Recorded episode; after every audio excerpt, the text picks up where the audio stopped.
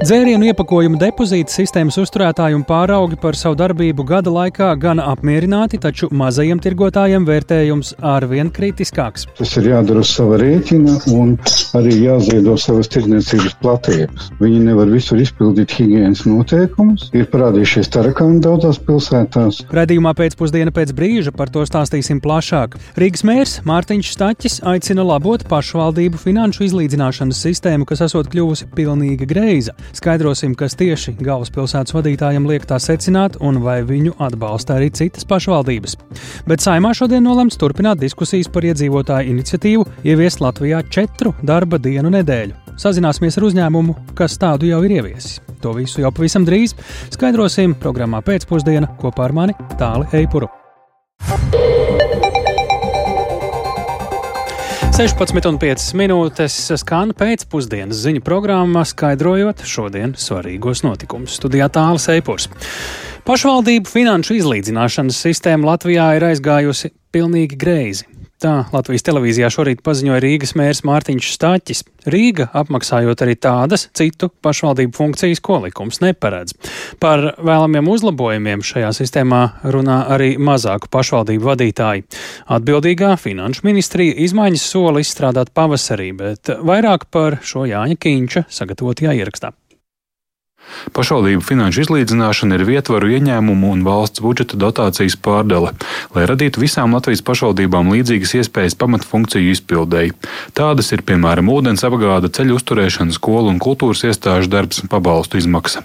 Pašvaldību finanšu izlīdzināšanas sistēmā maksātāji ir Rīgas pašvaldība un septiņas vietvaras pierīgā. Rīgas mērs Mārtiņš Staķis, kurš pārstāv par progresīvo frakciju, norāda, ka šogad Rīgas vietvaras maksājums šajā pašvaldību finanšu izlīdzināšanas fondā pieaudzis līdz teju 125 miljoniem eiro.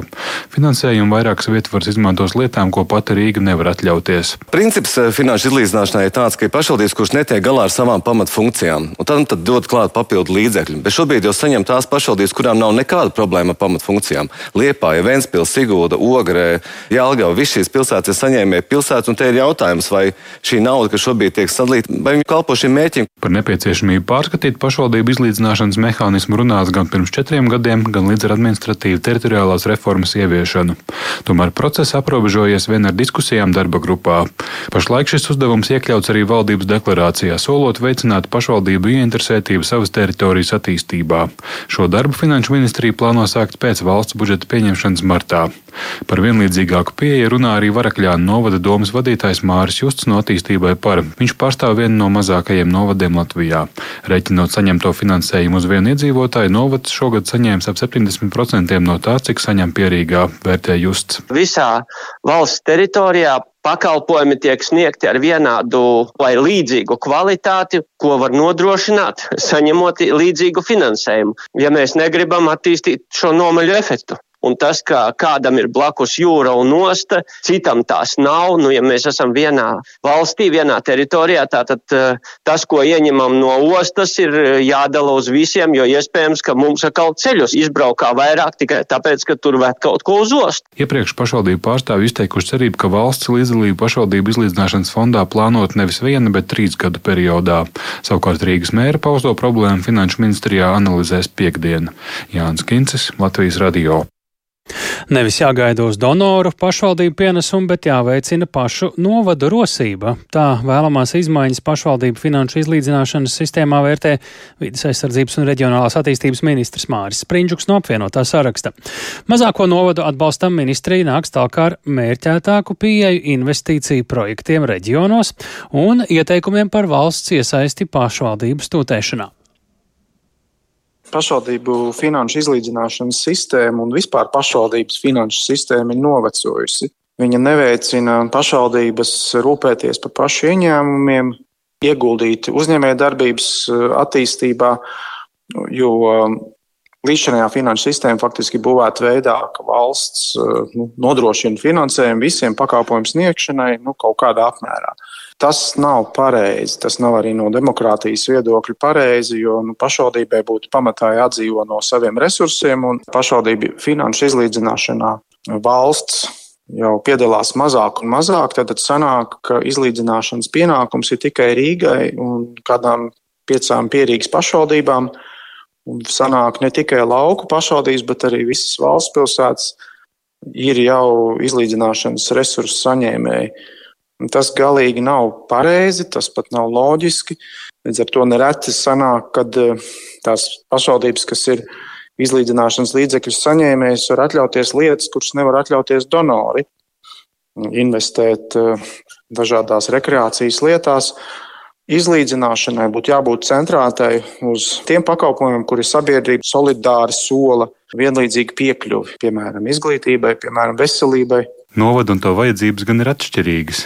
Investīcija politikai, kas ir Eiropas fondos vai arī valsts investīcija programmā, jo tāda pāris gadus mums bija, būtu arī jābūt vērstai tomēr, lai viņi risinātu katram reģionam specifiskās problēmas. Nu, piemēram, pierīgā tā drīzāk būs izglītības iestāžu paplašināšana vai jaunbūve, un savukārt reģionos tam uzsveram būtu vairāk būtu jābūt tieši uz uzņēmējdarbības attīstību, uz ražošanas attīstību, darba vietām, jo ko dod mums veidot pakalpojumu pieejamību reģionos, ja viņus, nezinu, piecu, desmit gadu laikā nebūs kam uzturēt. Mums ir jāatgriež dzīvība kaut vai novadu centros vai pilsētās. Ja. Un kā šajos sāpīgajos jautājumos var iesaistīties jūsu vadītā ministrija? Šai sakarā varams tieši uz investīciju politiku plāno veidot mērķētāku pieeju, proti veidot reģionāli nedaudz atšķirīgus kritērijus un arī visa veida fondu līdzekļus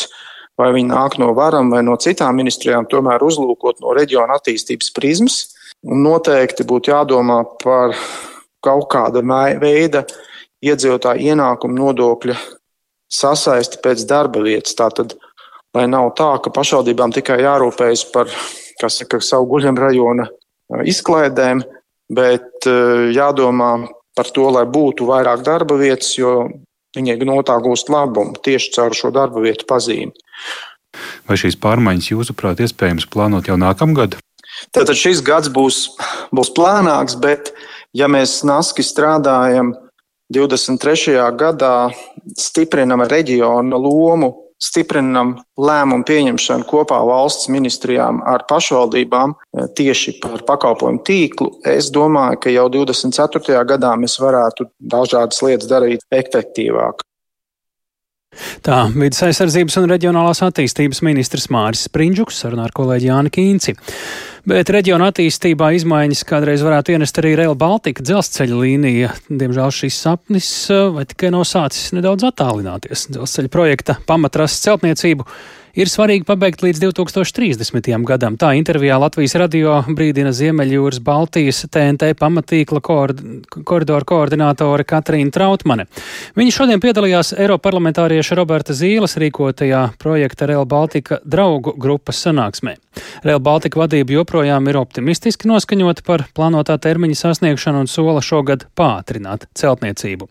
Savukārt Real Baltica draugu grupas sanāksmē šodien sākoja līdzi arī mūsu Briseles korespondents Arčs. Arķoms Konohovs. Arķom, nesen kļūst zināms, ka projekta realizācija kavējas un dzelzceļa līnija netiks pabeigta līdz 2030. gadam. Šāda informācija izskanēja, un darbi varētu aizkavēties, tad nu sanāk par trim gadiem. Kā uz to raugās Eiropas komisija?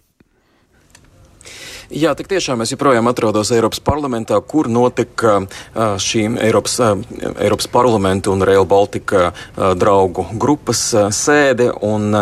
Šodien man bija iespēja aprunāties ar Ziemeļjūras Baltijas TNT pamatīklu koridora koordinātoru Katrīnu Trautmanu. Faktiski viņi ir Eiropas komisijas pārstāve šeit, tāda augsta līmeņa pārstāve, kas koordinē arī šo projektu. Viņi saka, ka no vienas puses kavēšanās no 27. uz 30. gadu ir attaisnota un normāla parādība šāda veida projektiem. Tie jāņem vērā, ka karš Ukrainā un arī Covid pandēmija ir radījuši jauns izaicinājums pilnīgi visiem projektiem. Tagad ir doma arī par, tagad ir jādomā arī par augstām enerģētikas cenām, inflāciju, celtniecības materiālu un darba spēku pieejamību, tad daudzām problēmām un daudziem apgrūtinājumiem. Tomēr ir, ir svarīgi būt realistiskiem, bet ir jāpabeidz šis projekts līdz 30. gadam. We want in the Commission that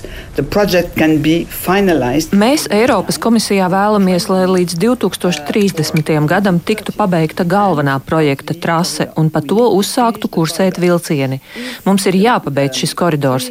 Ja trīs dalību valstis un uzņēmums RB Rail nespēs pabeigt šīs infrastruktūras celtniecību laikā, tad mums būs ļoti grūti paskaidrot, kāpēc vajag vairāk naudas. Diskusijas par to notiks 2028. gadā. 28.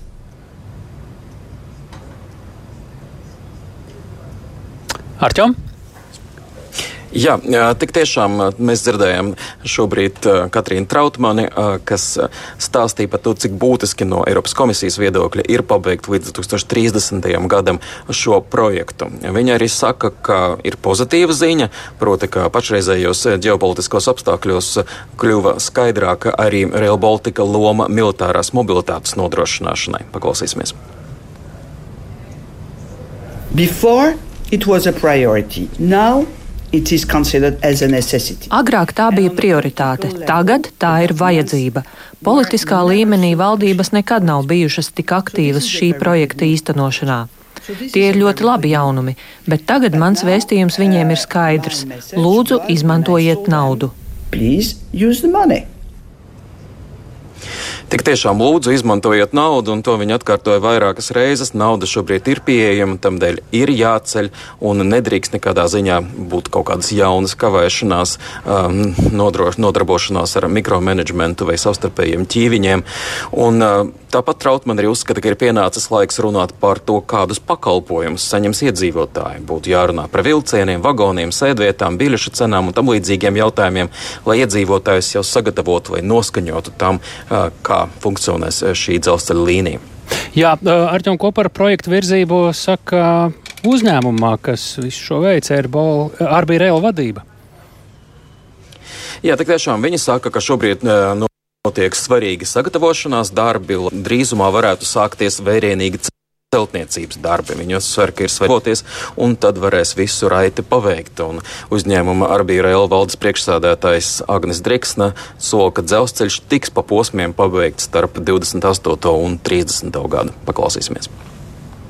Mēs redzam, ka projekts jau ir iegājis nākamajā brieduma pakāpē, kur faktiski darbi notiekās visās valstīs. Jā, tie vēl ir pagaidām nelieli punktu veidi, vai tā būtu centrālā stacija Rīgā, vai tā būtu stacija tieksim, Tallinā. Un, savukārt jau 2023. gads būs tas gads, kad mēs sāksim masīvu būvniecību ārpus pilsētām, ārpus punktu veidu objektiem. Tomēr uz jautājumu par to, kad varētu sākties tādu apjomīgu, arī apjomīgu projektu uh, objektu celtniecība, kā divi tilti, viens pāri Daugavai Rīgā, otrs pie Salaspils, vai arī tuneļa celtniecība Āgenskalnā, te skaidrs atbildes par termiņiem es tā arī nesaņēmu. Paldies, Artjoms Konohaus, ziņojot no Eiropas parlamenta. Bet uh, divas valstis, kuras savienos Rail Baltica līniju, ir Latvija un Polija. Reģionālās drošības jautājumi, palīdzība Ukrainai un starpvalstu attiecību stiprināšana - tie ir galvenie temati, kurus šodien Rīgā apsprieda un apspriež Latvijas prezidents Egils Levits un Polijas prezidents Andrzejs Duda.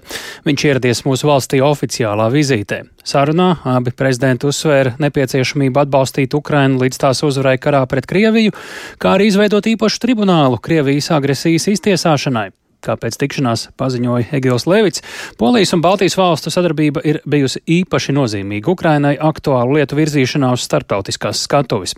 Andžai dodas vizītē Latvijā, seko Uģis Lībietis. Latvijas un Polijas sadarbība dažādos jautājumos ir mērāma jau gadu desmitos un pat gadu simtos. Taču šoreiz Polijas prezidenta Andrzeja Dudas vizīte Latvijā notiek pavisam citos ģeopolitiskajos apstākļos. Tieši tāpēc uzmanības centrā bija tieši drošības jautājumi, īpaši ņemot vērā Krievijas izvērsto karu Ukrainā. Galu galā Polija ir reģiona lielākā valsts, kura ir arī viena no ietekmīgākajām Ukrainas atbalstītājām reģionā. Kāpēc sarunām ar Polijas prezidentu atzina Latvijas prezidents Egils Levits, tieši Polija kopā ar Baltijas valstīm ir virzījušas un veidojušas Eiropas Savienības un NATO kopējo darba kārtību, jo vislabāk izprot, kurā pusē šajā karā ir taisnība. Pēdējā laikā daudz tiek runāts par Ukrainai nepieciešamo militāro palīdzību, un kā atzina Polijas prezidents, Ukrainai jau ir palīdzēts daudz un tiks palīdzēts vēl, cik daudz nepieciešams un cik ilgi nepieciešams.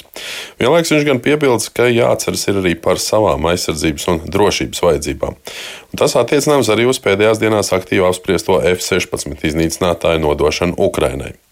Prezidenti apsprieduši arī infrastruktūras attīstību reģionā, kur viens no galvenajiem projektiem ir arī projekts Real Baltica. Tām būs ne tikai ekonomiska nozīme, bet, kā norādīja polijas prezidents Duda, arī militāri stratēģiska nozīme. Karš Ukrainā parādīja, cik nozīmīga ir tūlītēja piekļuve mūsdienīgai infrastruktūrai.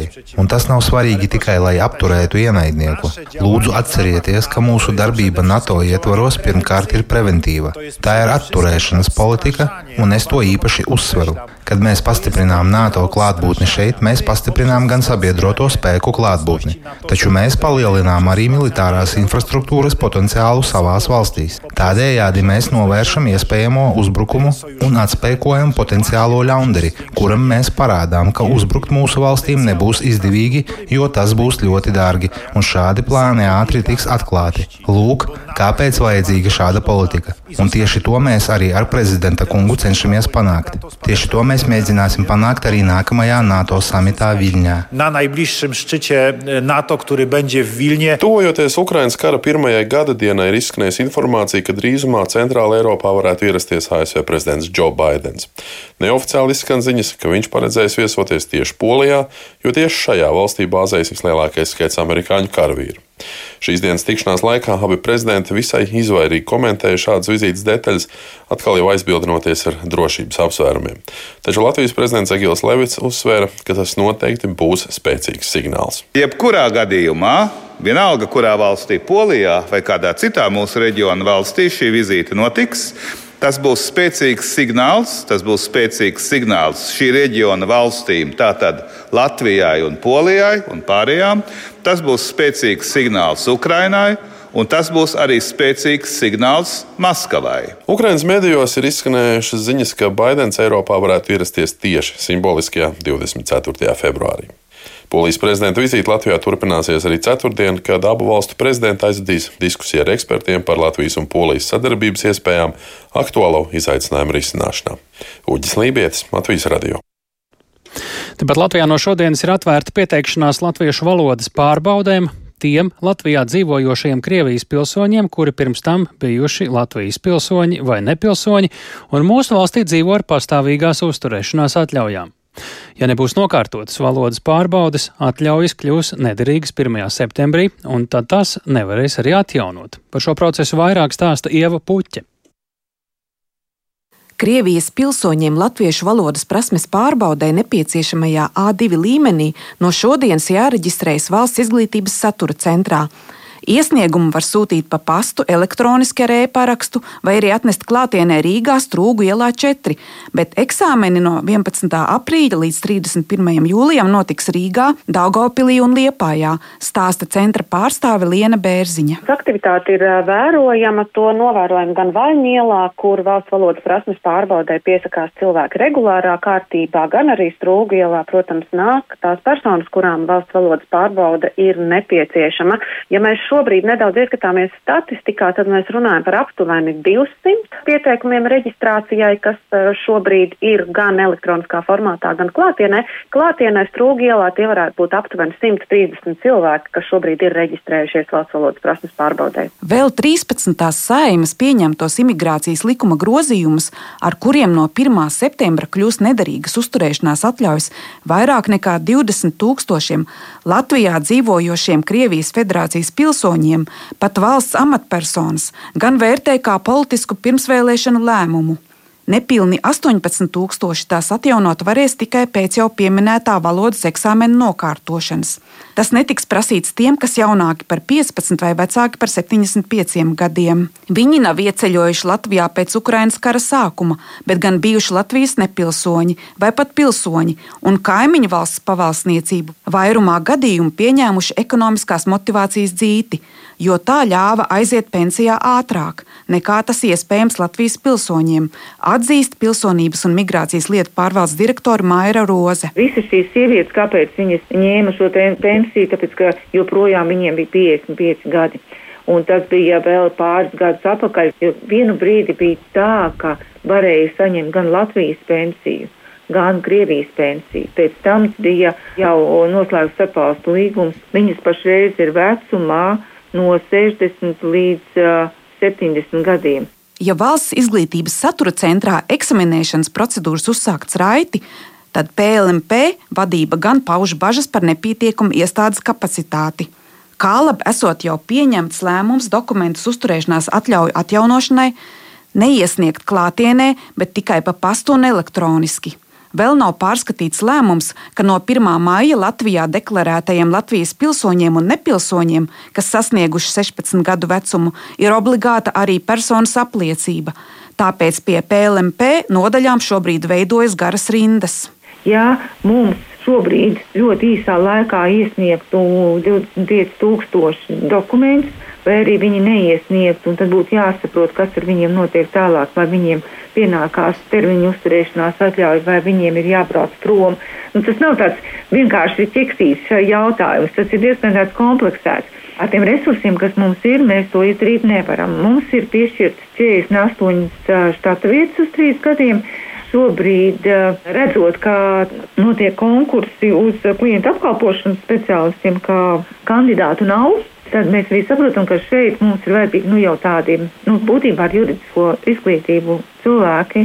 Iekšlietu ministrs Māris Kučinskis no apvienotā saraksta ir Saimas atbildīgajai komisijai iesniedzis priekšlikumu valodas pārbaudas Krievijas pilsoņiem veikt tad, kad tiem beidzas pastāvīga uzturēšanās atļauja, kas ir derīga piecus gadus. Šo iesniegumu Saima varētu skatīt pēc divām nedēļām. Ieva Puķa, Latvijas radio. Vai Latvijā būs jāievieš četru dienu darba nedēļa, un kāpēc gadu pēc dzērienu iepakojuma depozīta sistēmas ieviešanas daļa tirgotāji joprojām ir ar to neapmierināti? Šos un citus tematus ziņu raidījumā pēcpusdienā skaidrosim jau pēc brīža.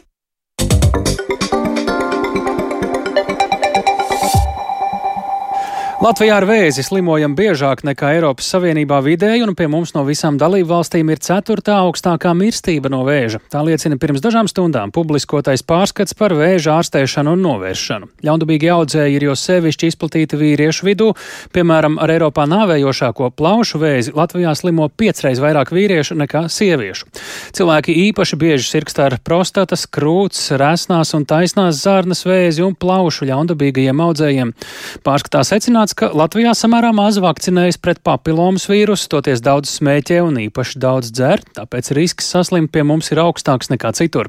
Jau 14 gadus Latvijā ir trīs valsts skrīninga programmas vēža agrīnai diagnostikai. Krūtsvēža skrīninga aptvēra Latvijā joprojām ir zema, maz cilvēku piedalās arī kolorektālā vēža skrīningā, izvairīgākie ir vīrieši, īpaši ar zemāku izglītību, bet dzemdes kakla vēža skrīningā esam virs vidējā Eiropas Savienībā. Finansiālā ziņā vēža ārstēšana Latvijā pārskatā novērtēta novērtēta kā pietiekami labi sasniedzama, taču klibo pieejamība sevišķi jaunām pretvēža zālēm un paliatīvajai aprūpē. Līdz ar jaunākā pārskata publicēšanu dažus no problemātiskākajiem jautājumiem kolēģi Zanēniņa lūdza komentēt veselības ministrijas veselības aprūpas departamenta direktori Sanitu Janku, un tieši pat labāk viņa atrodas Stokholmā vēža konferencē, kur Zviedrija rīko pārējām Eiropas Savienības dalību valstīm klausāmies. Jā, diemžēl man ir jāpiekrīt tam, ka mums ir šī vēža skrīninga aptveres zema ne tāda, kādu mēs varbūt varētu vēlēties, bet katrā gadījumā um, mēs esam tikušies ar pacientu organizācijām, arī ar NVD un sākam risināt šos jautājumus, kā tad šo apceri palielināt, vai tie ir koordinātors starp vairākām praksēm, jo kā rāda mūsu pilotu projekta pētījumi, tad pacientis atsaucās uz šo vēža skrīningu izmeklējumu labāk, tad, ja ir uzaicinājuma vēstule, tam ir arī atgādinājums telefonus. Protams, arī domāt par to, ka piedāvāt konkrētu laiku, lai pašai sievietei nav jāmeklē šī vieta, bet piedāvājot konkrētas vietas. Un kad tas varētu tā sākties? Mēs plānojam, ka tas varētu būt šī gada vidus, jo mums ir jārēķinās. Protams, tas nav attaisnojums ar to, kāda mums ir cilvēka resursi. Protams, ne katrā ģimenes ārsta praksē Bet, nu, katrā gadījumā vēl lieta, ko es gribu piemetināt, kas arī notiek tagad, ja sieviete vēršas pie ginekologa vai kāda cita speciālista, tad eh, šim ārstam ir iespēja pajautāt un arī atkārtot izdrukāt no NVD datubāzes šo uzaicinājumu vēstuli, kas kalpo kā nosūtījums. Šajos datos ļoti izceļās tas, ka Eiropā nu, galvenokārt mirst no plaušu vēža, bet eh, Latvijā joprojām ir ļoti augsts ikdienā smēķējošo cilvēku īpatsvars, tur apmēram 25%, un šajā ziņā mēs esam vieni no līderiem Eiropas Savienībā. Vai ir kaut kādi plāni profilakses jomā? Nu, plāni profilakses jomā ir un, un par ko mums droši vien kopā ar izglītības ministru ir jāstrādā, tā ir šī veselība pratība. Un galvenais akcents mums ir jāliek uz mūsu bērniem, skaidrojot, ko tad šī smēķēšana nodara, kādas tam var būt visam sekas. Protams, visas informatīvās kampaņas un nu, arī tie, teiksim, akcijas nodokļi vai tādas lietas, bet katrā gadījumā pats svarīgākais ir cilvēkam un bērnam saprast, ko šī smēķēšanas kaitīgums nodara cilvēku veselībai. Tā veselības ministrijas veselības aprūpas departamenta direktore Sanita Janka kolēģei Zanē Eniņai. Šobrīd ir apritējis gads, kopš Latvijā ieviesta depozīta sistēma dzērienu iepakojumam. Depozīta pieņemšanas vietās kopumā līdz šim savākti ap 250 miljoniem dažādu iepakojumu vienību, un tie ir 68% no gada laikā kopumā tirgu laistā depozīta iepakojuma apjoma. Pat labam Latvijā ir 1400 depozīta iepakojumu nodošanas vietu. Kāds tad ir bijis pirmais gads ar depozītu sistēmu un kāpēc 12 uzņēmumi ar 47 tirzniecības vietām likumu joprojām nepilda un iepakojumu ar vienu nepieņem, nedz tarumātos, nedz citādi? Klausāmies Sintīs Ambotas ierakstā. Dzērienu iepakojumu depozītu sistēmā līdz šim nodots ceturdaļa miljards tukšo iepakojumu, jeb vidēji 130 iepakojumu uz vienu iedzīvotāju. Tas savukārt kopumā ir 68% no tirgu laistā depozīta iepakojuma gada laikā, un tieši pēdējā ceturksnī atgriezt tiek jau 83% no iepakojumiem. Sijā depozīta iepakojuma operators valdes priekšsēdētājs Miks Stūrītis norāda, ka šim gadam mērķis ir savākt jau 88% no tirgotā iepakojuma. Var pārliecinoši redzēt, ka alus lietotāji, alus produkti ir līderi atgriešanas ziņā. Ūdens nedaudz iepaliek, bet turpat vien ir. Savukārt, ja mēs skatāmies, ar ko iet visgrūtāk, ja tas ir bezalkoholiskais vīns, jo tas ir bezalkoholisks dzēriens un tādēļ arī ir iepļauts. Turklāt esmu pārliecināts arī, ka ne visi cilvēki pievērš uzmanību, ka uz šo bezalkoholiskā vīna pudelēm ir šī depozīta zīmīta un ka tie ir nodoti. Ja mēs skatāmies atgriešanu pa materiāliem, kalendārais gads 11 mēneši, ja, tad 65% ja, ir, ir krāsainais pēc. Tāpat redzam, ka ļoti labi rādītāji ir atkārtot lietojamām pudelēm, ja, kur arī pārsvarā tiek pildīts alus. Līdz šim sistēmas ieviešanā vislielākā pretestība bijusi no tirgotājiem. Nelielāki veikali saskārās ar problēmu, kur šos depozīta aparātus izvietot, cik bieži un kas tos var veikalā uzkopt un iztukšot. Valsts vidas dienas ģenerāldirektore Elita Baklāna Ansberga norāda, ka šobrīd kopumā veikali veiksmīgi tikuši galā ar izaicinājumiem, tomēr ir atsevišķi uzņēmēji, kas ignorē Latvijas likumdošanas prasības. Uz šo brīdi tie vēl joprojām ir 12 tirgotāji par 47 septiņām tirdzniecības vietām. Valsts vidas dienas sākotnēji konsultāciju principu piemēroja, sūtot vēstules, brīdinājumus pēc tam. Tad jau mēs esam arī 22 izpildu rīkojumus, tad attiecīgi dažiem tirgotājiem vairāk kārt tādu piespiedu naudu izdevuši un kopumā lēmumu pieņemt par 20 850 eiro tirgotājiem, kuri tātad vai nu sākotnēji neslēdz līgumus, vai bija noslēguši līgumus, bet nepieņēma iepakojumu, un tad operators lauž šos līgumus. Par depozītu apkalpošanu gadu laikā tirgotājiem paredzēts samaksāt 10 miljonus eiro. Vienlaikus no ražotājiem par dalību depozītu sistēmā plānots iekasēt aptuveni 12 miljonus eiro. Latvijas pārtikas uzņēmumu federācijas vadītāja Ināra Šūra vērtē, ka sistēmai vēl nepieciešams laiks, lai tā kļūtu pieejamāka un to varētu papildināt ar vēl plašāku iepakojumu klāstu. Ja skatās tādu Eiropas pieredzi, tad tas varētu būt stiprais alkohols. Bet, nu, tā kā tas ir Somijā, bet Somija nostrādāja vismaz desmit gadus, un tad viņi sāka domāt par šo efektivizāciju. Jo mēs strādājam bez peļņas, mēs neplānojam peļņu, mēs visu novirzām, ja kaut kas paliek pāri, novirzām uz sistēmas efektivitāti, servisu. Visaktīvāk depozītu sistēmu izmantojuši iedzīvotāji vidzemē, un aptaujās secināts, ka kopumā ap 70% iedzīvotāju Latvijā lieto depozītu sistēmu vismaz reizi mēnesī, bet 11% to nelieto vispār. Sistēmā savāktās pēc pudeles pārstrādā pēc Baltija Jelgavā, stikls tiek pārstrādāts Lietuvā, bet alumīnijas Vācijā. Sinti Ambota, Latvijas radio. Bet ne visiem viss izskatās labi. Latvijas tirgotāja asociācijas prezidents Henriks Danusevičs pie mūsu klausulas liecināja, ka dažādiem tirgotājiem nevisai labi ir izdevies pielāgoties depozītu sistēmai, un te arī pamatojums. Diemžēl depozīta sistēma vēl ar vienu ir necaurspīdīga. Mēs neesam redzējuši ne pagājušā gada ieņēmumus, ne izdevumus. Vienlaikus zinām, ka tiek palielināta dalības maksa par depozītu. Līdz ar to mums teiksim, nav skaidrs, kāpēc depozīta operators nevar uzstādīt eh, depozīta aparātus arī maziem un vidējiem tirgotājiem, un viņiem tas ir jādara uz sava rēķina un arī jāziedo savas tirdzniecības platības. Tā rezultātā viņi nevar visur izpildīt higienas noteikumus. Ir parādījušies tarakāni daudzās pilsētās, Un arī tas, ka mazie tirgotāji, samazinot tirdzniecības platību, zaudē konkurētspēju, jo viņi var uzturēt mazāku preču krājumu, un tas viņiem izmaksā dārgāk. Tā ka burtiski tarakāni. Nu, diemžēl, jā, nu, ir video arī sociālajos tīklos. Kā izskatās tas, ko nodod mazajos aparātos, lielos ir savādāk, jo tie ir atsevišķi stāvoši konteineri, kur šie kaitēkļi nevar pārcelties uz tirdzniecības telpu. Savukārt mazajos, kur šis aparāts ir tirdzniecības telpa iekšpusē, tas, protams, ir ļoti liels risks un, diemžēl, viegli pārnesams. Kas tad līdz ar to būtu darāms, lai tirgotājiem depozītu sistēmu padarītu parocīgāku, saprotamāku, loģiskāku? Ja mēs runājam par mūsu pārstāvētiem, tad lielajiem, kam ir konteineri ārpusē, šobrīd nekādas problēmas mums neziņo. Savukārt tiem, kas ir iekšpusē, tie arī pat lielie plāno izcelt šos depozīta aparātus ārpusē, rēķinoties ar šo bakteriālās un piesārņojumu risku.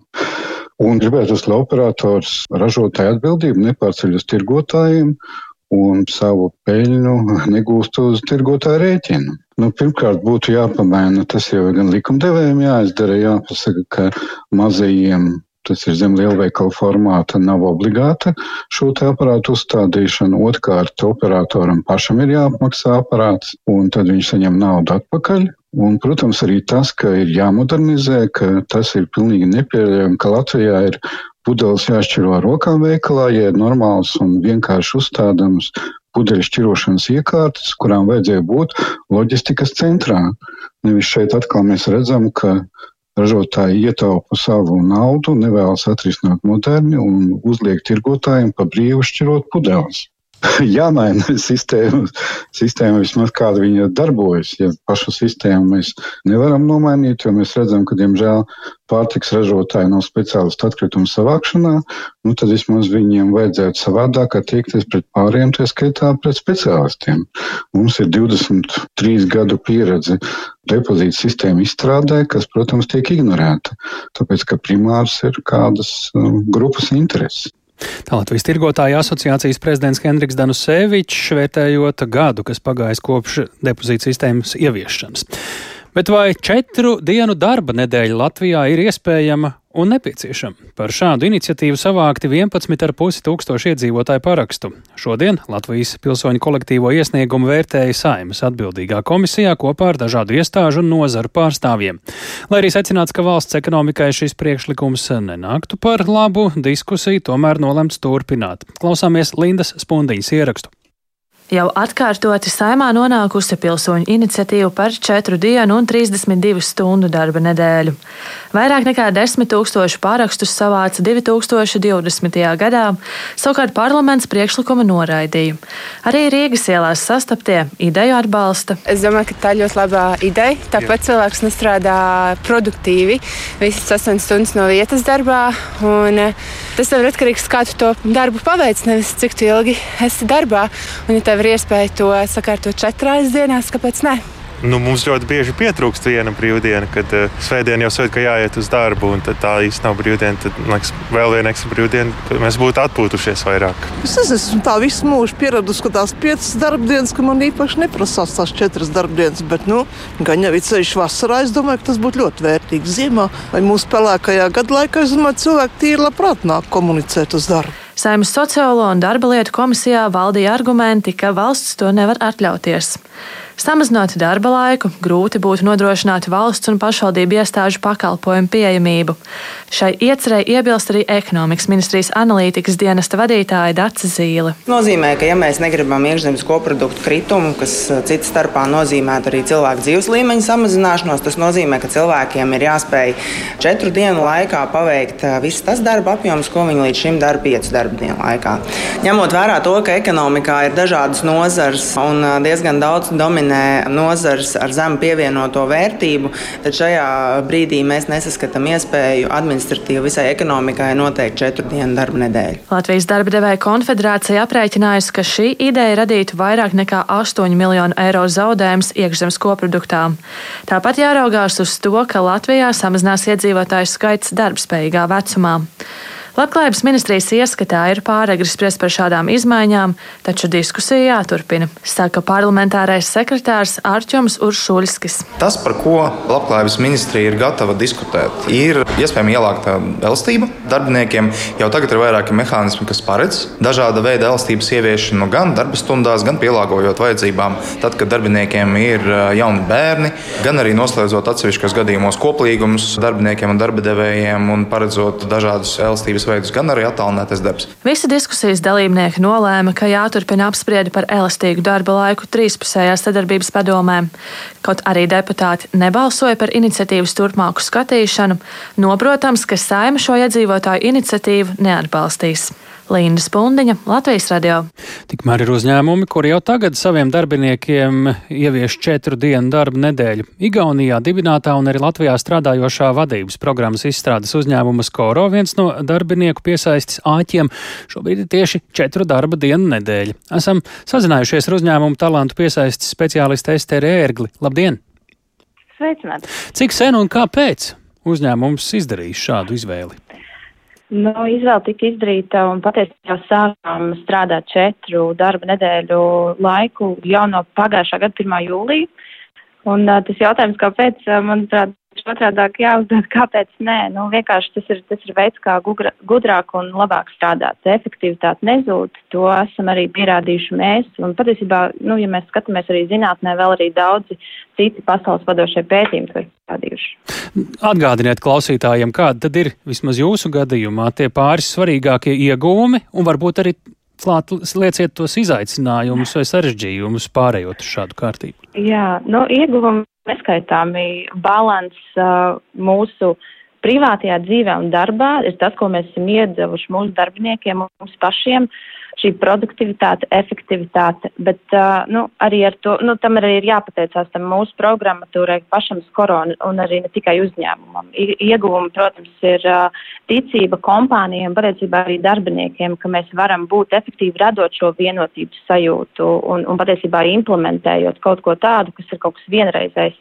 Tas ir bijis liels pienesums ne tikai individuāli, bet uh, patiesībā arī visiem kopā kā kompānija. Un mēs ja runājam par izaicinājumiem, tas ir cīnīties pretī mainieku dusmām par nevienlīdzību šim laikam sev. Un, jā.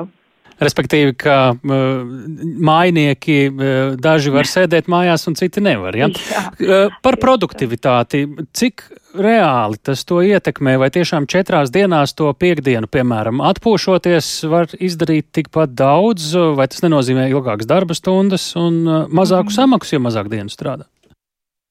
Nu, ja runājot par darba stundām, tas paliek tieši tādas pašas. Pat īstenībā šobrīd jums to stāstot, uh, ir, ir tāda neticības sajūta, bet uh, pieturamies pie, pie normālām darba stundām. Atalgojums arī ir tieši tāds pats.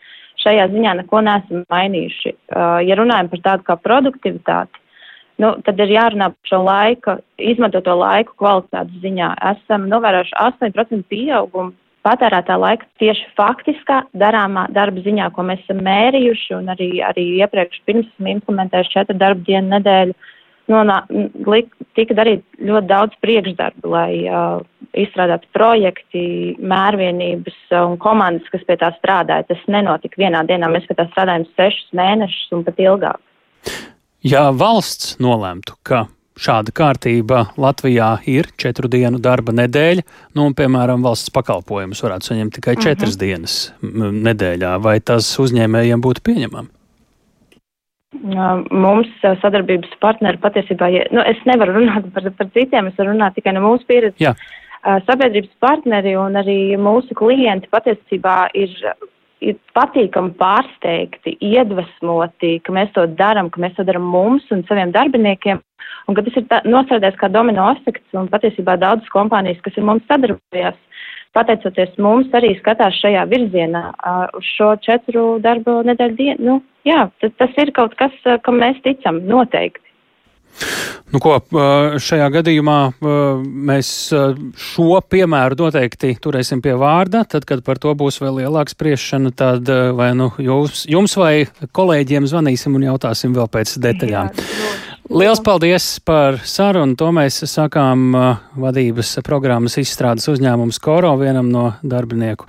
Tātad pārstāvēja talantu piesaist speciālistei Esterei Ērglei, bet šeit izskatās, ka arī raidījums pēcpusdiena izskan, un uh, pavisam īsi vēl par svarīgāko runājot, uh, šajā raidījumā dzirdējām gan par pašvaldību izlīdzināšanas uh, fondu un nebūšanām tajā, tāpat arī Latvijā šodien Polijas prezidents viesojas un vēl daudz citu notikumu, bet šo raidījumu veidoja Tāls Eipurs, Ilzi Aginta, tāpat arī Renārs Šteimanis pie skaņu polts arī Tātad Mārtiņš Paeglis, bet ja vēlties dzirdēt šo raidījumu arī vēl atkārtojumā, tad ņemiet Latvijas radio mobilo lietotni.